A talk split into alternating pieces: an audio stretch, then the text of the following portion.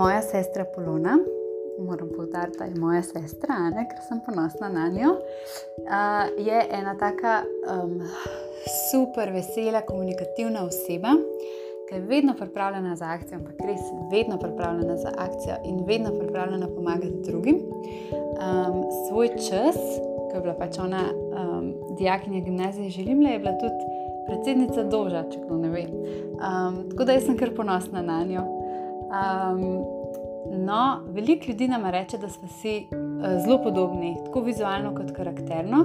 Mi dve se sicer tako ne strinjamo s tem, ne vidimo tega tako. Um, v redu sprejmemo, no, da smo si podobni, um, meni je to čisto v redu. Um, se mi pa zdi, da se pa v eni stvari zelo razlikujeva. Ona upravlja poklic, oziroma se je odločila za poklic. Um, za katerega se jaz nikoli ne bi odločila in si res ne predstavljam, da bi upravljala poklic babce. Um, ker se mi zdi to tako zelo zahteven poklic in to res zelo cenim in spoštujem pri njej. Um, in se zavedam, da ta poklic zelo dobro upravlja, zaradi tega, ker um, mi je že kar nekaj. Um, Že kar nekaj ljudi rekli no, in pohvalili, in so bili zelo zadovoljni, um, ki sem imel um, polono ob sebi, vsaj na telefonu, če ne drugače. Um, tako da tudi jaz osebno um, me zelo pomirja dejstvo, da ko bom enkrat noseča um, in ko bom enkrat rodila, um, da bom imela pri sebi uh, svojo sestro in vem, da super babco.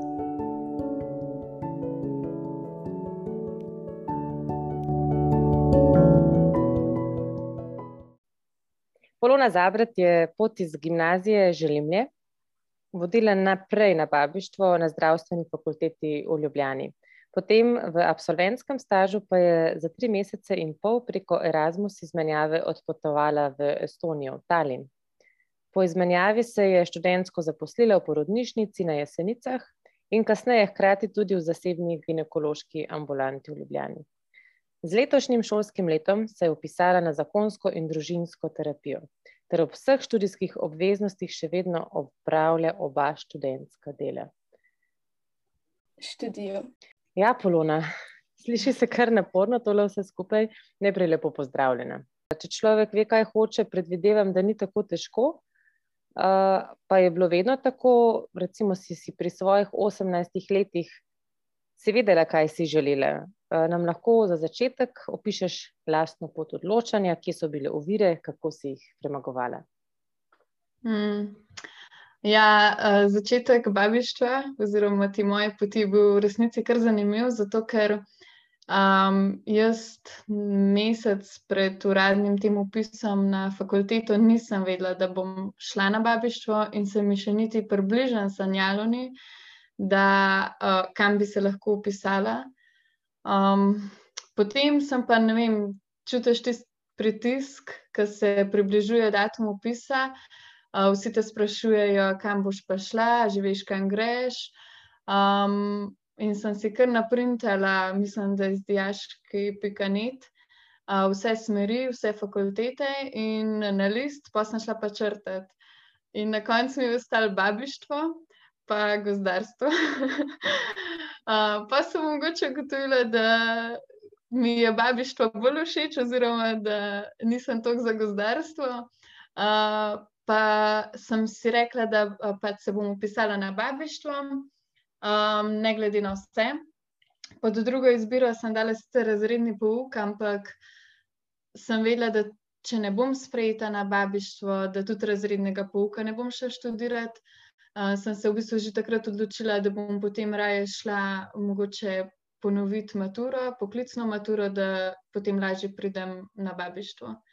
Tako, ker zapičila sem se v to babištvo, ne vem zakaj, v resnici. Tudi zelo hitra odločitev je bila. Ampak, deva, deva kar ugrizem to. Razlike, prednosti tega, če prideš iz gimnazijskega programa na babištvo, ti si potem prišla Um, in si ja. verjetno videla te razlike eh, med sošolkami, če lahko mogoče malo o tem spregovoriš. Um, ja, razlika je že pri samem opisu. Ne? Sicer uh, zdaj govorijo, da poskušajo nekako uh, babištvo je visokošolski program, ni univerzitetni in traja samo tri leta. Uh, najprej za začetek to in za upis na ta program ne potrebuješ splošne mature, ampak lahko prideš gor tudi z poklicno maturo. Uh, tako da v resnici pač vemo, da so poklicne mature malenkost lažje od splošne in so imeli nekako prednost uh, zdravstvena srednja, pa vzgojiteljska srednja pri pridobivanju teh točk. Klih iz tega stališča, ki so bolj pisali maturo, ki so imeli lepše ocene v tretjem in četrtem letniku. Uh, mi iz splošne gimnazije smo nekako so se potem trudili, no, oziroma so nam rekli, da bojo pač, da poskušajo uravnotežiti točke gimnazist, pač gimnazicev in točke iz teh srednjih poklicnih šol. Uh, ampak se mi zdi, da so imeli oni nek lažji prehod. No, definitivno vidim pač prednost pri teh poklicnih šolah za lažji upis. Uh, kar se pa tiče potem na samem študiju, je pa, naprimer, smo imeli gimnazici veliko prednosti pri uh, splošnih predmetih, mikrobiologija, anatomija. Uh, meni je zelo prav latinščina prišla, ker si nikoli nisem mislila, da mi bo um, patologija. V, v glavnem, vsi ti splošni predmeti so, tako smo jih gimnazici, zelo hitri, tako skoraj malo prehitri, z eno tako z, z lahkoto naredili. No? Um, iz poklicne šole, predvsem vzgojiteljske, eh, so pa imeli tukaj veliko težav. Um, kar je bila pa prednost pri njih, um, tistih, ki so prišli iz srednje zdravstvene, je pa to, da so imeli že nekaj teh um, praktičnih znanj, ki jih mi na sami kliniki, v vem, kliničnem centru, nismo imeli. Um, znali so nekako že rokovati s kakšnimi takimi inštrumenti, vem, kot so igle. Um, vedeli so že približen sistem zdravstva, mi, gimnazici ali pa srednjo vzgojiteljska, smo bili pa tukaj čizmedeni. Um, Je pa tudi v prvem letniku, v septembru, se mi zdi, da še pred uradnim začetkom študija, zdaj to malo spremenjajo. No. Uh, mi smo imeli med uh, tem prvim semestrom, zdaj pa slišim, da imajo že septembra. No. V glavnem je pa en teden, oziroma 14 dni, tudi malo spremenjajo dolžino. Um, Kot neke vaje, samo za gimnazice, oziroma uh, srednje vzgojiteljske, uh, za tiste punce, pač, da dobijo malo teh praktičnih znanj, da lahko lažje um, sploh dojamejo um, s, samo to prakso, ki se jo učimo sprot uh, pri babištvu. In se mi zdi, da pač tisti teden, 14 dni, ti da res veliko. Um, jih zdravstvenim srednjim šolam ni bilo treba delati, ampak mi smo se pa, pa še bolj spoznali, pa smo se pol čist na koncu hitro ujela. No. Tako v drugem letniku bi rekla, da ni več razlik bilo med nami v ne vem, nekem znanju, da so zdaj pa oni boljši ali pa tako. Okay. Sama si začela govoriti o puncah, tako da predvidevamo, da na babištvu so sama dekleta. Skoraj sama dekleta. Uh, v našem letniku smo bila sama dekleta, en let za nami je bil pa en fant. Ponavadi je tako en fant na tri leta nekaj takega. Um, kaj ti je bilo najbolj všeč? Pa zdaj ni bilo izrednega študija, ne, ne še to povem. Da izreden študij so upisovali samo dve leti, jaz sem ujela to prvo leto, pa še eno leto za mano, zdaj ga pa ne upisujejo več. In kot sem slišala, no, to je samo tako, da ga tudi ne bodo več upisovali. Um, Kakšna srečnica si v bistvu na nek način, če tako pomisliš? Ja, da rečem. Pa je možno iz, prehod iz izrednega v rednega, čistko bodiva realni? Kdo um, to špekulira?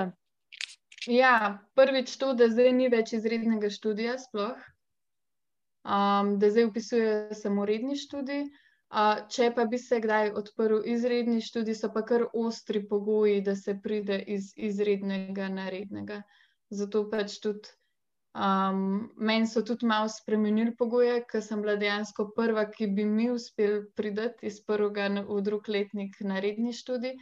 Uh, pa so mi pa tako malo namignili tudi drugi, da so se ustrašili, pa so spremenili pogoje. Tako, poprečje mora biti nad 9,5. Uh, edini moraš imeti, ki imaš tako poprečje, pa se mi zdi, da so še na, še na zankaje v nekih vajah, da moraš imeti vaje 10, pa ne vem, nekakšno prisotnost. V glavnem, zelo, zelo težek prehod. Okay. To je fajn slišati, zato da da dijaki vejo, koliko špekulacij je tukaj možnih. Dejstvo je, da je na babištvo zelo, zelo visoka omejitev. Res je. Se spomniš, na babištvu?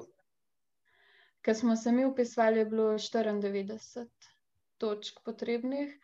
Um, zdaj sem gledala glih prele, ker sem um, se vrnila nazaj v tiste čase, um, da je bilo na zadnje 93 točk, šle so pa tudi do 97. No.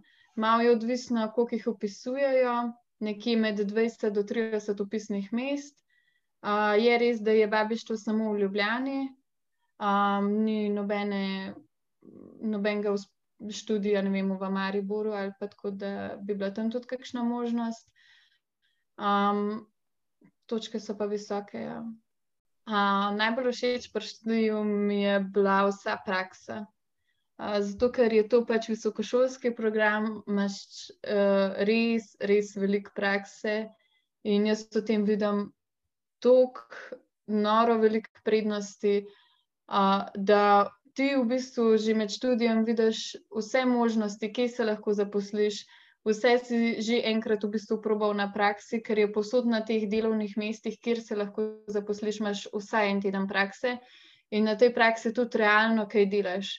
Um, porabijo te za čisto vse. no. um, izpolnjuješ tudi na večinah praksah te delovne zvezke um, in pa s tem v bistvu oni prisilijo tudi uh, tistega, ki ti v bistvu nudi prakso da ti daje neke pametne naloge, da te ne uporablja samo tako, kot da si ti tam en ventilator ali pa en fikus za zraven, ampak v resnici te vodijo, da delaš, spremljaš ženske, pač upravljaš tisto delo, ki ga, on, ga oni upravljajo. Zdaj, praksa, mogoče malo več o tem. Jaz sem predstavljal, da babištvo je to, da, da pomagaš otroke rojevati, ampak mislim, da je verjetno še kaj drugega babištvo. Kaj vse je babištvo? Ja, še patronažna služba. Uh, sicer je to tudi zadnja leta težko, težko dobiš uh, tam službo, v bistvu, ker raje zaposlujejo pač medicinske sestre, ampak to je večinoma tono. Aha, zaposljive smo še na ginekoloških klinikah, to sem pozabila povedati, ginekološke oddelke. To je pa pač um, večinoma v starosti, ki pač že telo peša, tudi ženskama, ne, se včasih, eh, ne vem, ali pa je rak na maternici in tako, in potem se to odpravlja pač na teh ginekoloških klinikah. Um, to je pa naprimer v UKC-ju ta peti štuk, zelo značilen. um, so babce tudi zraven pri, pr, ne vem, splavih ali pa to? To je v bistvu kar dobro vprašanje. Um, in je tudi mene pri opisu najbolj zmotilno um, to mogoče, da ne bi bila prisotna pri splavih, ker predtem mislim, je to kar veliko, tako se mi zdi tudi moralno vprašanje. Uh, zdaj, ja, babce načeloma so prisotne pri splavih.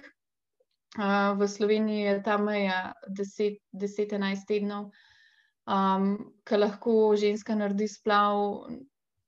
Jo noč ne vprašajo, ona samo pride in reče, da želi splav. Uh, temu rečemo splav s tabletkami.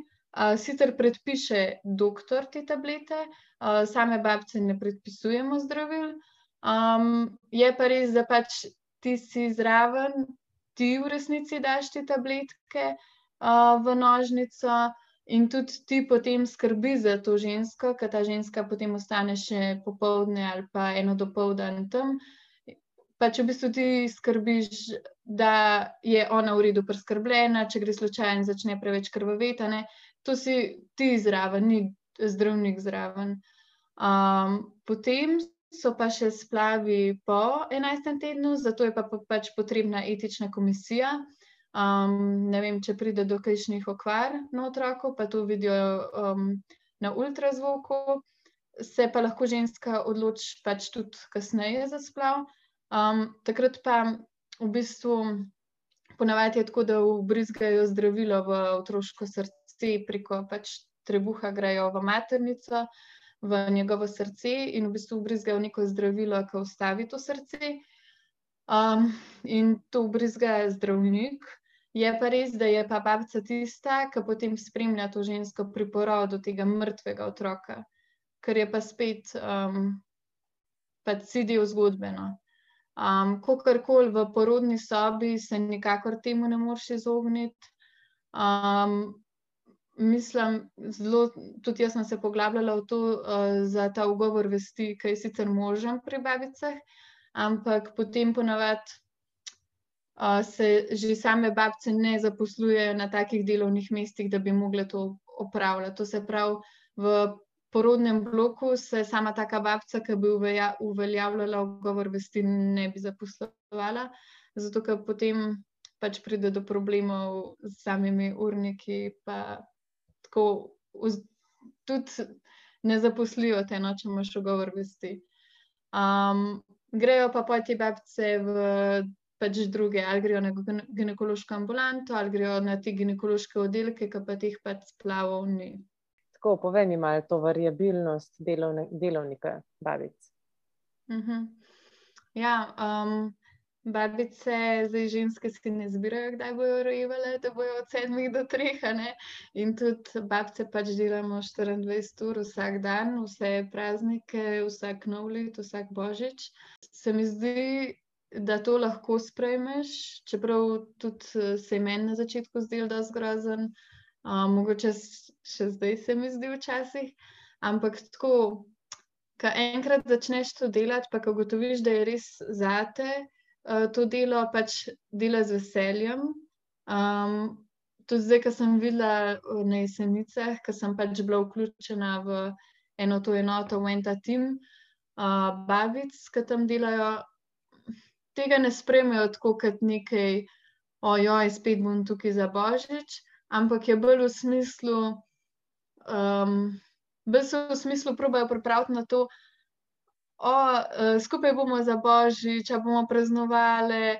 Um, tako se zmeraj sprašujejo, boho je ta bog kaj dela, a bo kera rodila prav tam okoli polnoči, ne vem, za nov let. Ali, tako, potem grejo tudi vsake voščet, naprimer uh, srečen božič, tako zvečer grejo vsake vošče, zjutraj dobijo, kakšna ponovadi se zmenijo, pa naredijo same neko mehko pozornost ali kakšna kaj speče, pa poj se tudi podelijo po oddelku. Tako se mi zdi, da noben si pač ne želi delati na praznik, ampak če je to del tvoje službe in če to rad opravljaš, to nekako si probaš olajšati s tem, da to spremeš. Um, pa če delaš res to s srcem, po mojem, ti ni tako težko. No? Um, je pa res, da veliko študentk babištva um, noče delati trojizmenskega dela, to se pravi dopoledne, popoldne, pa nočne.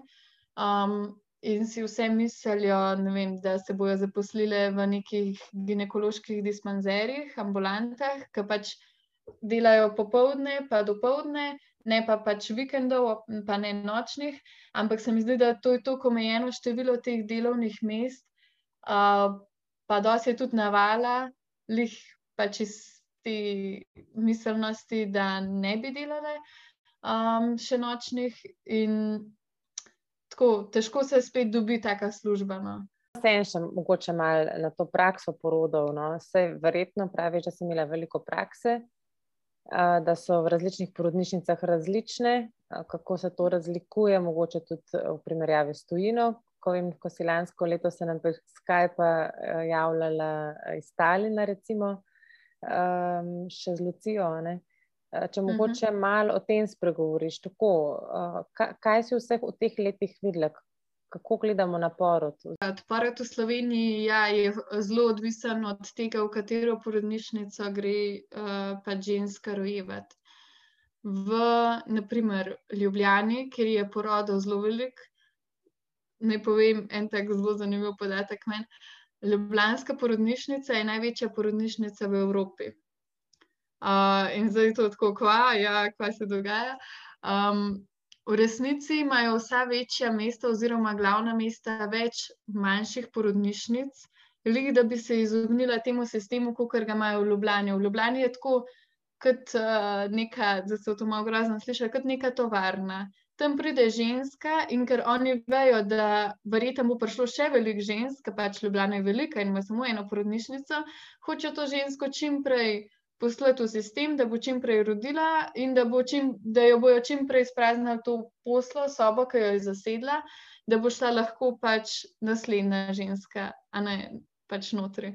Um, ne povem, da je to samo v Ljubljani tako, uh, da ostale porodnišnice po pač drugih regijah so veliko bolj. Um, Se veliko bolj posvečajo ženski, tako tudi, um, kaj si ženska želi, kakšen porod si ona želi, uh, ne samo tem čas, časovnim pritiskom ali pa prostorskim pritiskom, pač v katerega pač podlega Ljubljanska porodnišnica.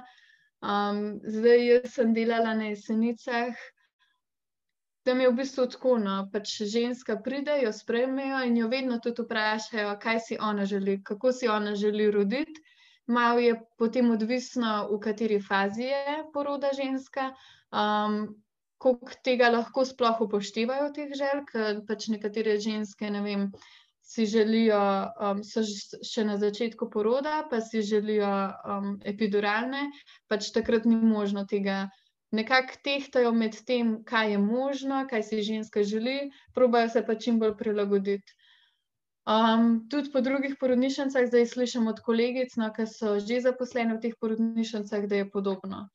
Um, imamo v Sloveniji tudi eno stran, se mi zdi, da je Baby Book, ki ima napisane vse porodnišnice, uh, pa noter vse možnosti, ki ti jih nudijo. Vem, v postojni je možnost poroda v vodi, uh, v Slovenki je možnost poroda na pručki. Tako, um, se mi zdi, da ženska, ki gre roditi, vedno tudi malo pogleda po internetu, um, pa se vedno pač tako informirajo tudi malo. In potem v Sloveniji je dobro, ker smo majhni, ker lahko prideš pač. Jaz sem imela na jesenicah, en teden je bil res nor, sem imela žensko, ki je prišla roditi iz Tuja, pa iz celja, ena je pa prišla iz Kopra. Pač tako, greš tam, kamor pač ti paše. No. Uh, malo grejo tudi po priporočilih, pa tako, ampak to je pa večinoma tono. Um, zdaj v Ljubljanski porodnišnici sem pa v bistvu upravljala prakso v prvem, pa v tretjem letniku. Um, potem delala, pa tam nisem noč, no, samo prakso sem imela, vsega skupaj bi rekla, da kašen mesec, pa pol sem bila v Ljubljanski porodnišnici.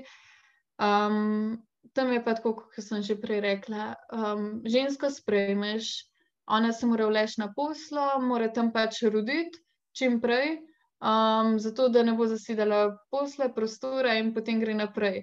Um, lahko so kjeri porodi tudi v Ljubljani zelo lepi, zato ker pač vse ženske ne rabijo veliko časa, da se odprejo ali pa da rodijo, ker ne rodijo čist lepo, čist hiter. Uh, tistim, ki se malo bolj vleče, pa probajo pač to pospešiti s kakšnimi zdravili ali pa tako, da gre hitreje. Um, kaj sem pa videla razlike, ne vem, ko sem prišla v Estonijo, kaj me je presenetilo. Um, to mogoče najbolj, uh, ker sem jaz našla v Tallinn, to je glavno mesto Estonije, in me je presenetil um, ta njihov odnos, ki je bil drugačen kot kar uh, v Ljubljani. Uh, že sama babica, pa ženska, se mi zdi, da um, so se tako, kako bi rekla, Klej se mi zdi, da je nek tak odtujen odnos. Um, še vedno se vidijo neke distance med babco in med žensko. Um, tam pa se vidi, da, jih, da so jih že prej spremljale babce v nosečnosti in da jim te ženske, ki pridejo roditi, popolnoma zaupajo. Um, se mi zdi, da je bilo lažje nek, neko navezovanje stikov. No, tako, uh, da tiste babce, ki so tam delale, so hitreje prišle do tistega, kar si je ženska želela, oziroma kar je mogla slišati v tistem času porod, pač med porodom. Um, ker nekatere ženske pač, to je pa od same ženske um, odvisno. No. Nekatere rabijo slišati, da je stisnjen, nekatere pa rabijo slišati kakšno toplo, pa nižno besedo. Um, tako da, ja, babca mora biti pa tista, ki mora v bistvu presoditi, a, kaj je ta ženska rab. A rab nekoga, ki jo motivira z neko močno besedo, a rab nekoga, ki jo malo pomasira, pa um, ji reče, se bo malo minil, ti se kar sprost. Ženska sama ti pač tega ne bo znala povedati, kaj ona tisti trenutek rab, ker ona se je tudi prvič znašla v tej situaciji. Tako da se mi zdi, da več porodov, ki pa tudi imaš, hitreje lahko to prepoznavaš. Kaj me še presenetilo v Estoniji, v Talinu, je to, da imajo noro več prostora um, v sami porodnišnici, v porodnih sobah. Porodne sobe so tako iz samega stališča materijala bolj opremljene. Uh, več v vsaki porodni sobi je blakat, kavč, uh, ena taka vrv iz stropa, da se lahko ženska na njo obes. Uh, v vsaki porodni sobi je bil ta porodni stol, na katerem so lahko rojevale žoge, uh, ribstoli, ki se lahko tudi obešajo. Vsaka porodna soba je imela svoj uh, kopalnico, pa veci, ker je pač mogoče zdaj tako samoumevno, ampak naprimer v Ljubljani tega nima nobena porodna soba. In meni je bilo, ker sem prišla, ker sem bila kar tako navdušena nad samim straniščem in tušem. Um, tako uh, zelo drugače je tudi po porodu. Um, Klej v Sloveniji imamo še vedno to mentaliteto, da mora ženska sama um, preživeti tistih dva, tri dni v porodnišnici, potem se pa vrne k možu. Um, tam pa v bistvu pride cela družina um, roditi in so pa tudi tri, štiri dni tam, cela družina. V bistvu imajo take apartmaje, v kateri imajo tudi svojo kuhnico, uh, svojo kopalnico, zakonska posla je. Um, in potem pa skupaj tam preživijo nekaj dni, zato da v bistvu tudi moški se more. Um, moški je tudi del tega poroda, ne, ne moramo ga zdaj kar izključiti. Uh, in tudi po porodu se mi zdi, da, da je zelo dobro uporo ženski. Uh, Kle v Sloveniji pa pač dajo to babce na oddelku, nekako se trudijo dajati. Zelo na koliko porodov imaš za sabo? Zdaj ne vem, čisto točen, ampak jaz bi rekla, da jih je okoli 60 samostojnih. Um, pač samostojnih, zato ker na začetku, kad delaš prakso, um, pomaga samo eni babci. To se pravi, da ona drži roke na presredku, um, ti drži zraven roke. In jaz tega še nisem štela v svoje porode. Zdaj, da sem pa čisto sama vodila porode, jih je bilo pa približno 60 do zdaj. Wow. In ja. dajmo razjasniti, če to dula, babice, običajno to dajo enačaj, ampak verjetno temu ni tako in je kar velika razlika med tem. Kdo je dula, kdo je babica, kaj je razlika? Ja. Babica je tista, ki vodi porod. Babica je tista, ki je odgovorna, da porod lepo teče, uh, da sta zdrava mama in novorojenček med porodom in po porodu. Um, Dula je pa v bistvu samo spremljevalka pri porodu. Ona lahko daje oporo čustveno, pač tako ženski, ne more pa ne more pa v bistvu zahtevati nobenih intervencij v zvezi s porodom. Um, to pa lahko samo babica oziroma zdravnik, ker tudi Dula nima take izobrazbe kot babica. Uh, je pa res, da um, nimajo vse ženske take sreče, da bi pač imele svoje partnerje um, za največjo podporo. In takrat se mi zdi, da Dula, če jo ženska najame, um, lahko veliko pripomore k temu, da žensko podpira. Pač očitno nista s partnerjem tako v redu, um, pa takrat dula v skoč. Um, Doskrat je dula Doskrat dule zelo lepo sodelujejo z nami, z babicami. Um, včasih se pa zgodi, da imajo pač tako malo bolj mnenje, da pre, smo preveč invazivne v porodu, uh, med porodom, da um, mogoče naredimo kakšne stvari, za katere dule ne vejo, da so v bistvu tudi dobre za ženske, pa za otroka. In takrat pride do mogoče rahlih nesporazumov um, med dulami, pa med babcami. Ampak se mi zdi, da zdaj večinoma zelo lepo sodelujemo, no? oziroma se trudimo. Kako pa um, ste um, babice tako odprte za um, dula in tako naprej? Kar jaz poznam te Eh, babice iz mojega kroga. Um, pozn, mislim, tako, to so predvsem mlajše babice. Uh, zelo se trudimo, zelo lepo uh, sodelovati z dulami. Um, je pa res, da starejše babice, ki imajo pač tudi več, sicer več prakse, um, pa bolj verjamejo v ta svoj pravane. Starejši kot si, se mi zdi, da ne moreš oziroma ne zmoreš več slediti tok tem novim trendom. In te starejše babce, ne bom rekla, da so slabe ali pa kaj, ampak samo um, ne zmorejo dohajati tega novega tempa, kar si ženske zdaj želijo, kar zdaj ženske mislijo, ker, zato ker one so navajene na ženske, ki niso nič prej prebrali nobene knjige, niso nič brskale prej po internetu, s takimi ženskami so one začele delati, na take ženske so se takrat največ, najbolj navadile in potem tako pač delajo zdaj že vse življenje. In tudi te dule, ki so prišle, na začetku ravno zaradi tega niso bile sprejete.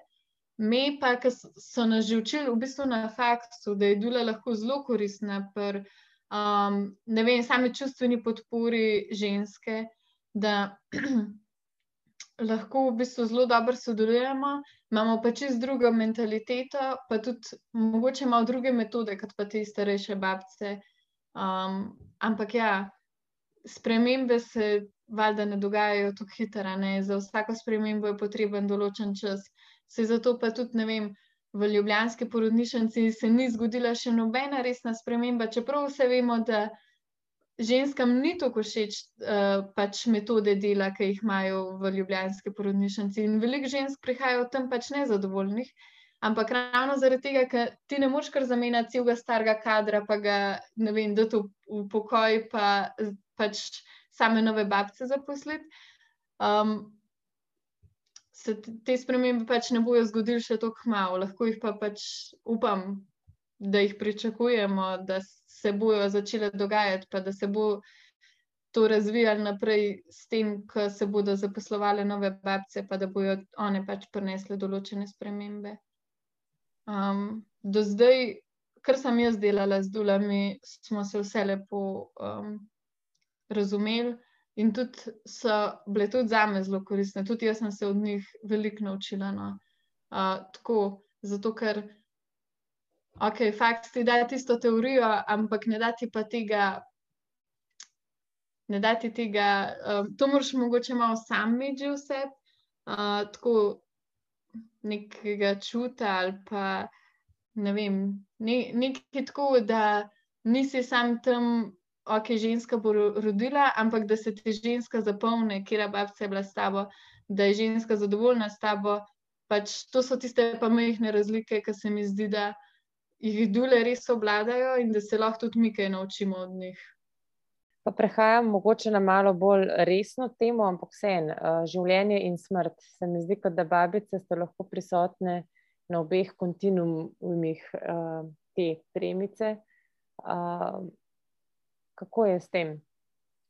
Kako je, kako je, ko se pri porodu zaplete? Ko Se pravi, tako ko pride do zapleta, se si sama reka, del, delujete multidisciplinarno in uh, pač timsko, takrat se tudi verjetno ja. potem odgovornosti delijo. Ja. Ja, v resnici je odgovorna samo na zdravniku. To, um, to smo se prav. Um, je prav en predmet, samo o tem, zato ker zdaj je full teh tožb. Uh. -huh. V resnici je v Sloveniji tako urejeno, da je odgovorno samo na ginekologu. Karkoli mi delamo žensko, mi smo itak pod ginekologom in v resnici je ampak pač seveda sam pa ne, ne rečeš tako, ja, si to pa bila od zdravnika napaka, če si bil ti samo noter. Ne?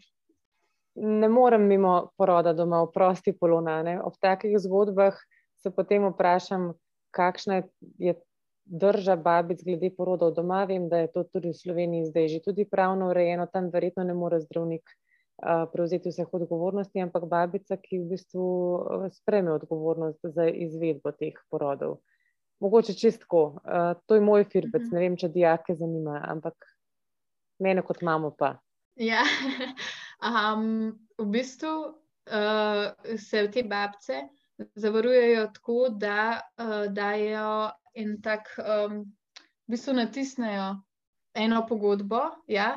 V primeru, da karkoli gre na robe, um, je to na strani ženske, oziroma se, se ženska zaveda, da uh, je ona to pot izbrala in da je pač v, v resnici kot ona svojo odločitvijo odgovorna za to, da je šlo nekaj narobe. Pač te babce tega nočijo, um, to se zgodi hiter, um, nenadno, um, velikrat se tudi potem rešuje to v porodnišnicah, ne pokličejo pač rešilca. Um, pa te ženske potem iz poroda domov premestijo hitro v porodnišnico, pa tam probajo rešiti stvari. Um, je pa res, da če bi se babce na domu tako šle, da bi bile one odgovorne, pa je verjamem, da nobena ne bila na domu babce. Zato vse tiskajo to pogodbo. No. Um, je pa ta pogodba kar nora. Pač jaz sem jo enkrat videla in tako. En mi še celo rekel, da je bil takrat z mano, da to je tiste ženske, so pa pogumne, ki to podpišejo. No. In jaz bi se tudi strinjala s tem. Samo tri, tri babce v Sloveniji imajo dovoljenje za porod na domu, in jaz osebno bi zaupala sam te, tem trem, ki imajo tudi licenco, pa dovoljenje. Vse ostale babce, ki delajo na črno, je velik tega, zato ker jih delajo na črno, hočejo pridobiti več žensk, in je velik tega večjega tveganja. Um, Tako, one bojo sprejele več žensk, zato ker pač same nimajo tog dela, ker nimajo licence. In bojo pač sprejele več žensk, tudi če niso tako dobri ti napovedniki, kakšen porod boš imel. Um, glik zaradi tega, pač, da bojo imele službo, pa da bojo pač lahko same sebe preživljale, ampak pač to ni odgovorno.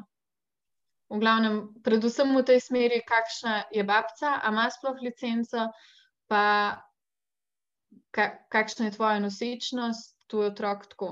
V tujini obstajajo neke take um, babiške hiše, kjer um, ženske lahko rojevajo in je ne bi bilo bolj um, domače okolje ali tako nekako. No? Um, pa me zanima, če, če, če to obstaja tudi v Sloveniji. Take babiške hiše še nimamo v Sloveniji.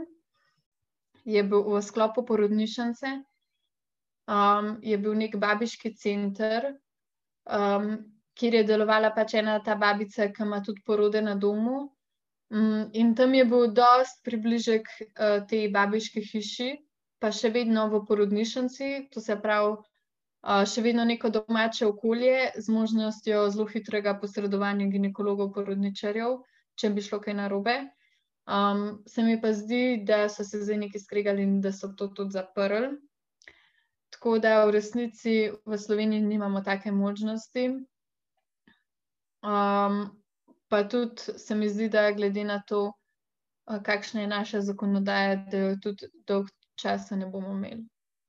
Um, sem pa bila na obisku v babiški hiši v Avstriji, v celovcu. Um, to je v bistvu hiša, ki je res tako, kot bi prišel domov.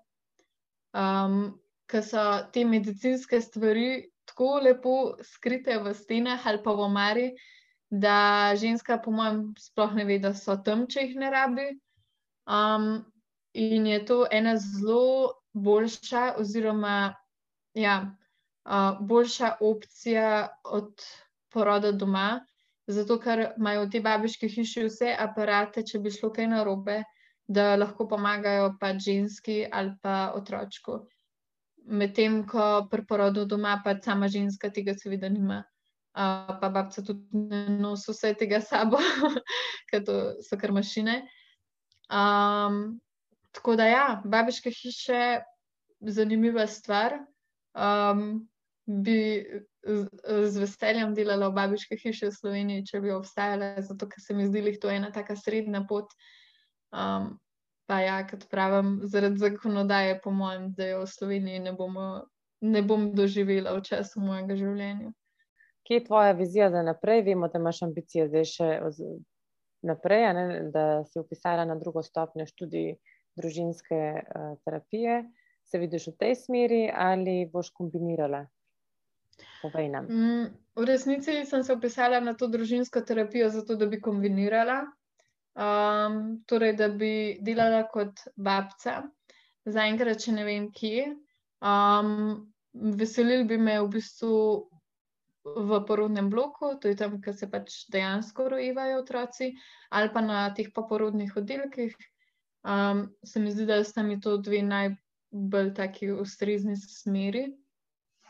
Um, potem bi pa to družinsko terapijo uporabila, uh, da bi lahko imela pač svojo šolo za starše, oziroma da bi odprla neko tako svetovalnico, to je zdaj vizija. Da bi odprla neko svetovalnico za nosečnice ali pa za ženske po porodu, ki imajo razne pač težave, mogoče v zakonu, uh, v družini. Ker v resnici z delom sem šele potem ugotovila, ker sem v absolventu sem začela tako redno delati na jesenicah. In še vedno, ko začneš redno delati, vidiš, um, koliko je enih težkih zgodb, um, ki pridejo ženske, koliko je v resnici teh, ne vem, najstniških mam, ki prej v Ljubljani, jaz pa nisem tega videla, ne vem kako. Um, tako. Uh, porod je ena taka stvar, se mi zdi, da um, spravi ženske na tako raven, da so res tisto, kar so v resnici, da uh, vse te maske odpadejo. Um, da če je ona jezna med porodom, se bo pač zadrla, če te hoče udariti, te bo pač udarila.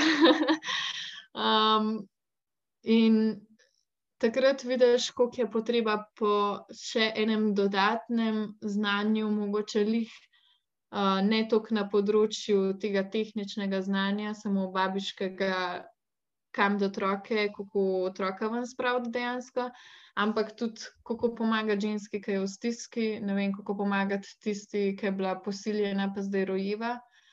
Um, kako pomagati najstniški mami, ki ne ve, kam bo šla poli iz porodnišnice, naj se vrne domov, ali naj se vrne hunmu moškemu ljubimcu. Uh, za katerega mogoče ga sploh ne pozna. Ali pa tako pač se mi zdi, da bi lahko to nekako združila. Upamo, da dobivaš odgovore na vsa ta vprašanja, ki si jih navedla na teološki fakulteti, če ne te bo pa praksa prinesla. Mm. Um, jaz bi na tej točki uh, zaokrožila to naše, uh, naše klepetanje, uh, in se ti zelo lepo zahvalila no, za, ne samo za te tehnične podrobnosti, ki se nam jih dala, ampak za pripoved, za tvojo zgodbo, kritičen pogled in vse en za eno upanje, ki ga daješ. Um, Tudi s čist tvojo potjo, ki si jo prehodila, ki ni bila lahka, ker vem, da si tudi prišla kdaj na poklicni maraton, izžeta po celodnevnih predavanjih in praksi, in vem, da, da pot do tukaj ni bila lahka. No. Mm. Tako da ti res želim vse dobro in hvala, da si vzela čas za naj z Evo. Ja, hvala vam, meni je bilo ful prijetno. Prijeten večer še naprej, dragi poslušalci, se slišimo k malu z naslednjim podkastom. Lahko noč.